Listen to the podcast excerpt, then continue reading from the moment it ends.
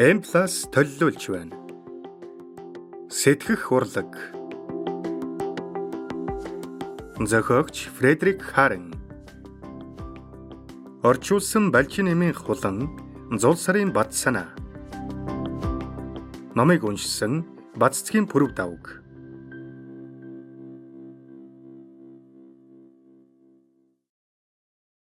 Сэтгэх урлаг номын тухай. Сэтгэх урлаг хэмээх энэхүү ном нь дэлхийд даяар 250 мянга гаруй хувь 60 гаруй оронд борлогдсон бөгөөд Англи, Швед, Норвеги, Литв, Япон, Тайланд, Хятад, Исланд зэрэг 16 хэлээр орчуулагдсан гараад байна. Энэ ном Исландд маш эрэлттэй бөгөөд нэг сарын дотор 3000 хувь борлогдсон нь ердөө 30 хоногийн дотор нийт хүн амын 1% нь энэхүү номыг авсан гэсэн үг юм. Энэхүү ном нь бүх цаг үеийн шилдэг 100 бизнесийн ном жигсаалтанд багтсан билээ. Өмнөх үг Америкийн нэрт зохион бүтээгч шинийг санаачлагч Томас Эдисон өөрийн бодож санснаа байнга тэмдэглэж явахын чухлыг маш сайн ойлгосон хүн байжээ. Тэрээр үргэлж шин санаагаа тэмдэглэх дэвтэр авч явдаг байсан бөгөөд өөрт төрсэн бүхэл шин санаа төлөвлөгөөгөө бичдэг байсан аж түүнийг шин санааны ном гэж нэрлэдэг байжээ. Энэхүү тэмдэглэл хийхийг тэрээр Леонардо да Винчигийн үе түмэн ноорог тэмдэглэл зэргээс сурч авчээ. Хөгжилтэй нэ да Винчи шин санаагаа ноороглохдоо толинд харж буй мэт тонгоруулж зүүн гараараа бичиж буулгадаг байсан байна.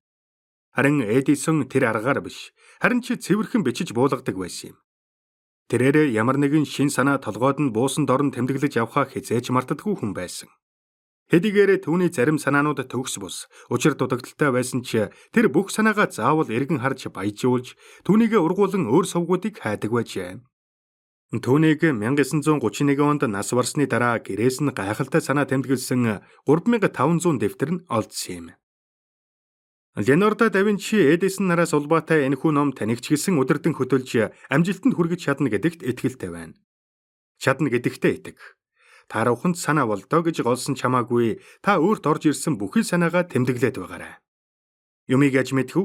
Хожим тэр санаагаа улам хөгжүүлж байтал гайхалтай санаа төрөгч юм билүү?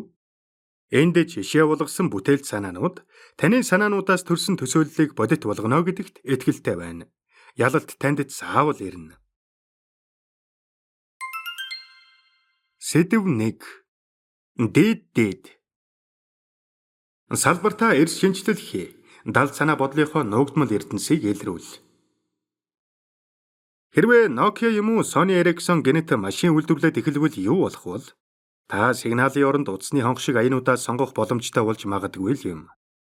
Автомашины дизайнерууд ямар ч эргэлзээгүйгээр шинжилтийг хийдэг. Тэднээс хажуугийн аваарын дэр гэх мэт маш олон шин санаанууд төрөн гарч байдаг. Та хэдийгээр тодорхой салбарт удаан хугацаагаар ажилласан туршлагатай хүн байлаа ч өөрийн ажилдаг салбарыг шин нүдээр харах хэцүү. Бусдын дургуг хүргэж ч мэдх юм.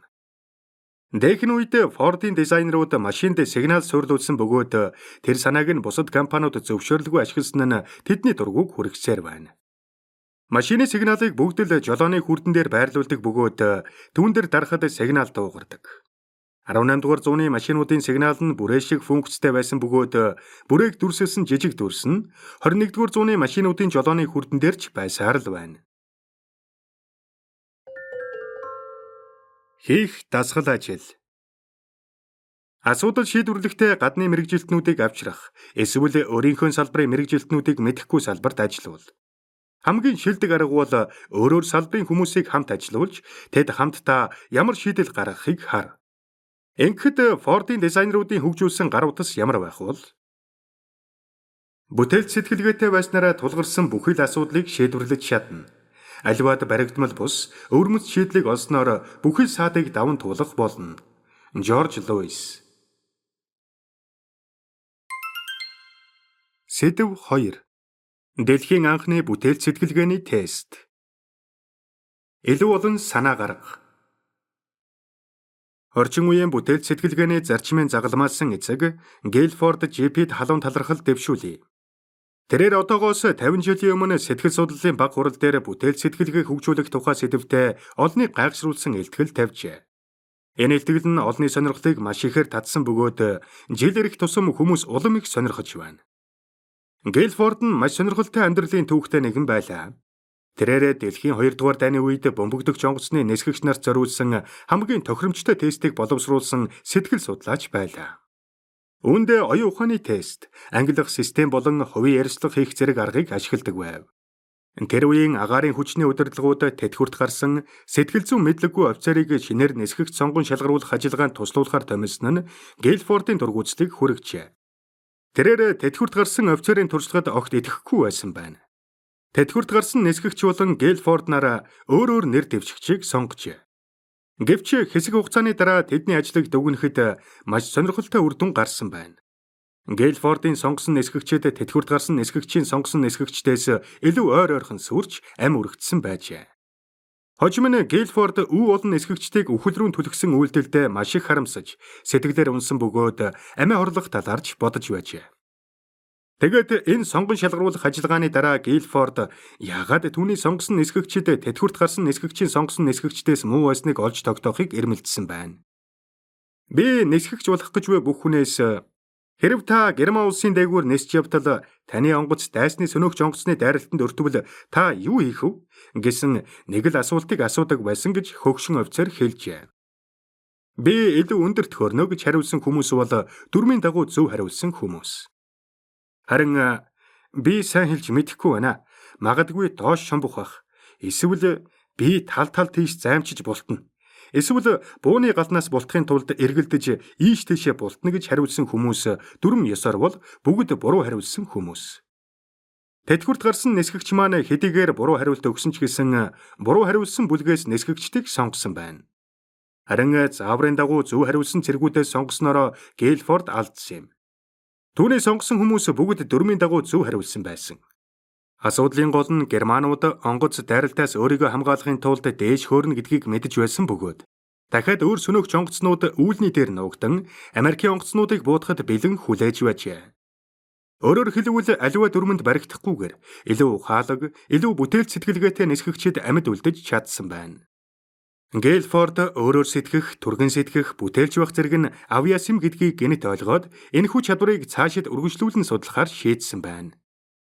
Түргэн шийдвэр гаргаж чаддаг, бүтээл сэтгэлгээтэй нэр дэвшигчийг тодорхойлсноор хамгийн тохиромжтой нисгэгчдийг сонгох аргыг олох нь түүний зорилго байлаа.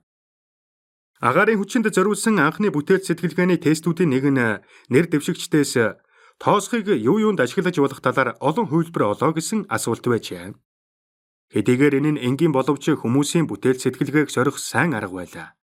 Зарим нэг нь олсон 5 хувилбараа бичиж амжаагүй байхад маш олон санаа олсон хүмүүс ч байсан юм. Энэ нь хувь хүн болон хамт олонны бүтээл чадварыг шалгах нэг сайн арга юм. Хийх дасгал ажил. Энэ бол мэдээж тоосхыг хэдийн янзаар ашиглаж болох вэ? Тоосхыг ашиглаж болох 50 өөр санааг 15 минутанд олох гээд үз. Мэдээж хэрэг тоосхыг хэдийн янзаар хэрэглэж болох тухай асуудал нь компани үр ашгийг нэмэгдүүлж, бүтээгдэхүүний чанарыг сайжруулахгүй ч энэ нь сурсан зүйлээ ашиглаж чаддгүй хүмүүсийг олох сонирхолтой сорил юм. Сэдв 3. Зүрлэл бол хүчрхэг уул юм. Зүрлүүлэхийн ач холбогдлыг ойлго. Зүрлүүлэн бодсноороо бид төсөөлснөөсөө ч илүү хийж чадна. Зүрлэл гэдэг нь ямар нэг шин зүйлийг өөрийн хуучин аргаараа тайлбарлах хамгийн сайн арга юм. Та хизээ нэгэн цагт шуудын ертөнцийг шин санаагаа тодорхойлох зүрлэл болгон ашиглаж болно гэж бодож байсан уу? Бид өндөгний хальс шиг эмзэгхэн шин санаагаа бүтээл сэтгэлгээгээр чигүүрлэн өндөр талын нисэх хүртэл өндөг дарах адил ухаан бодолдоо боожуулах хэрэгтэй. Тэгвэл шин санаа төрөх үйл явц нь яг л шувууны өсөлт хөгжилтэй адил юм. Өөр нэгэн сонгодог жишээ. Хэсэг зэвсэг үйлдвэрлэгчид хамтран нэсэг хүчин зориулсан шин зэвсэг бүтээхээр болжээ. Тэдэнд ямар ч шин санаа төрөхгүй байсан болохоор тэдний нэг нь бусаддаа төсөөллөө өөрчилъё гэж санал болгожээ. Тэгээд тэр бусаддаа хандан бид элсэн цөлд байна гэд төсөөлье. Та нар тэнд юу харснаа дүрсэл гэжээ. Нэг нь би кактус харлаа гэжээ. Нөгөө нь би баян бүр тарлаа гэв. Харин гурав дахь нь би цөлийн могоо харлаа гэв. Цөлийн могоо нь олзоо биеийнхэн дулаанаар илрүүлэн барьж иддэг могоо юм. Генет инженерүүдийн нэгэнд нь нэгэн санаа төрөв. Бид дайсны техникийн моторын дулааныг илрүүлэх чадвартай пуучин хийж чадахгүй гэж юу? Тэгээд тэд энэ санаан дээр ажиллан хөгжүүлж цөлийн могоо гэдэг тулаан илрүүлэгчтэй пуужинг амжилттай бүтээжээ. Таны ажилдаг салбарыг ямар зөвлөл хамгийн сайн тодорхойлж чадах вэ? Таны одоо хийж буй ажилд тулгарсан асуудалд ямар зөвлөл илүү тохирох вэ? Бид ихэвчлэн өөрсөндөө тохирох зөвлөлийг тодорхойлоогүй байдаг. Ингэж зөвлөлөө тодорхойлохгүй байснаар зөвлөл бидэнд ямар шин боломж авчрахыг харж чадахгүй. Хийх дасгал ажил. Зөөрлөлөө хөгжүүлснээр бид хэрхэн шин санаа төрүүлж чадах вэ? Бид шин санааны үр бүтээж чадах уу? Бид шинэлэг, нээлттэй бодлоор тэжээгдэж чаддаг уу? Шин санааг хооллож тэжээж байх ёстой юу? Өвөл болоход шин санаанууд нь шувууд өмнө зүгт нисч нутаг сэлэгдэх шиг илүү сайн хөгжиж чадах уу? Шувуу өндөгний зөвөрлөл ашиглан санаагаа хөгжүүлэхийг хичээ. Та одоо ажиллаж буй санаан дээрээ тулгуурлан зөвөрлөлөө тодорхойлж хөгжүүлэхийг үргэлж хичээж байна. Зэр зэвсэг булаан эзэлтэй тэмцэж болно. Харин цагуяа олсон зөв санаатай сөргөлдөх аргагүй. Виктор Хьюго Сэдв 4 Эдисоны санааны хуваар Жижиг зүйлийн төлөөч олон шин санаа гаргаж тавихын чухлыг ойлго. Томас Элва Эдисон бол ганц сайн зүйл хийхин тулд олон шин санаа гаргах хэрэгтэй гэдгийг ойлгосон хүн байжээ. Эдисон бол эргэлзээгүй сууд зохион бүтээгч байсан юм. Тэр хамгийн их зүйл зохион бүтээснээрээ дэлхийн дээд амжилт тогтоосон. Тэр пянц тоглуулагч, улаасах худастай гэрлийн чидэнг зохион бүтээснээс гадна зай хураагуурыг хөгжүүлж, кино гаргадаг аппаратыг улам боловсронгуй болгосон бөгөөд өнөөгийн дэлхийн хамгийн том компани болох General Electronics-ыг үүсгэн байгуулсан байна. Эдисон сайн шин санаанууд өөрсдөө бий болно гэж байдаггүй хэмээн үзэж өөрийгөө болон ажилчдаа шин санааныхаа хуваарийг гаргахыг шаарддаг байв. Түүний өөрийн хуваар нь 10 хоног тутамд ямар нэг жижиг зүйл зохион бүтээх, 6 сар тутамд ямар нэг том зүйл зохион бүтээх байжээ. Хийх дасгал ажил. Илүү олон санаа гаргахын тулд өөрийгөө даажил Асуудалтай тулгарсан бол түүнийг шийдэх 50 өөр шийдлийг бодож бол. Ихэнх санаануудаа сайн байна гэж байдаггүй. Анхны санаанууд нь хамгийн сайн байсан ч ямар ч гэсэн илүү олон боломжуудтай бай. Олон асуудлыг шийдвэрлэх олон шийдэл олох дасгал хий. Энэ асуудлыг шийдвэрлэх өөр ямар арга байна вэ гэдэг асуултыг өөрөөсөө байнга асуудаг зуршилтай бол. Асуудлыг шийдвэрлэх ядаж гурван арга олдлоо битгий зогс. Асуудлыг шийдвэрлэх өөр аргууд үргэлж байдаг гэдгийг байнга санаж байна. Өсөж дэвжихийн тулд өөрчлөгд. Төгс байхын тулд үргэлж өөрчлөгд. Winston Churchill. Сэдв 5. Ууртай профессор. Боломжгүй зүйлийг сорь. Энэ бол үргэлж уур уцаартай явж байдаг их сургуулийн нэгэн профессорын тухай түүх юм. Үнэн хэрэгтээ түүнийг уурлахаас аспирантууд маш их хайдаг байлаа. Эцэст нь нэг оюутан зориг гаргаж профессороос яагаад үргэлж муухай ажиллаж байдгийг асууж орхив. Сайн байна. Чи харалдаа гэд профессор 60 жилийн өмнө намайг чам шиг залуу байхад одоо бодит болсон гар утас, автомат зүлэг хадагч, компьютерийн сүлжээгээд бүхэл зүйлийн санааг бодоод олчих боломжтой байсан.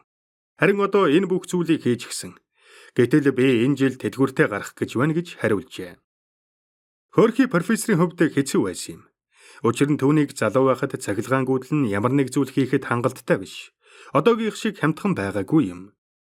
Тухайн үед хүмүүсийн төсөөллийг амьдралд хэрэгжүүлж хөгжүүлэхэд техник, технологийн хувьд дутагдaltaй тал их байсан нь түүнийг бухимдуулдаг байжээ. Хийх боломжгүй зүйлсийн талаар мэдээлэл цуглуул, судал. Өнөөдрийн хурдцтай хөгжил нь өмнө нь боломжгүй гэж үзэж байсан маш олон зүйлийг хийх боломжтой байсныг харуулж байна. Бид өнөөдөр боломжгүй байгаа шин зүйлийн талаар өөрсдөө олж судлах хэрэгтэй. Тэгэхгүй бол бидний оюун ухаан зогсон байдалд орох эрсдэлтэй. Хийх дасгал ажил. Өнөөгийн байдлаар танаа байгуулгын хувьд таны хувьд бүтцгүй зүйлүүд юу байгааг тодорхойл. Гэхдээ удахгүй шийдэгдэж болох асуудлыг биш шүү.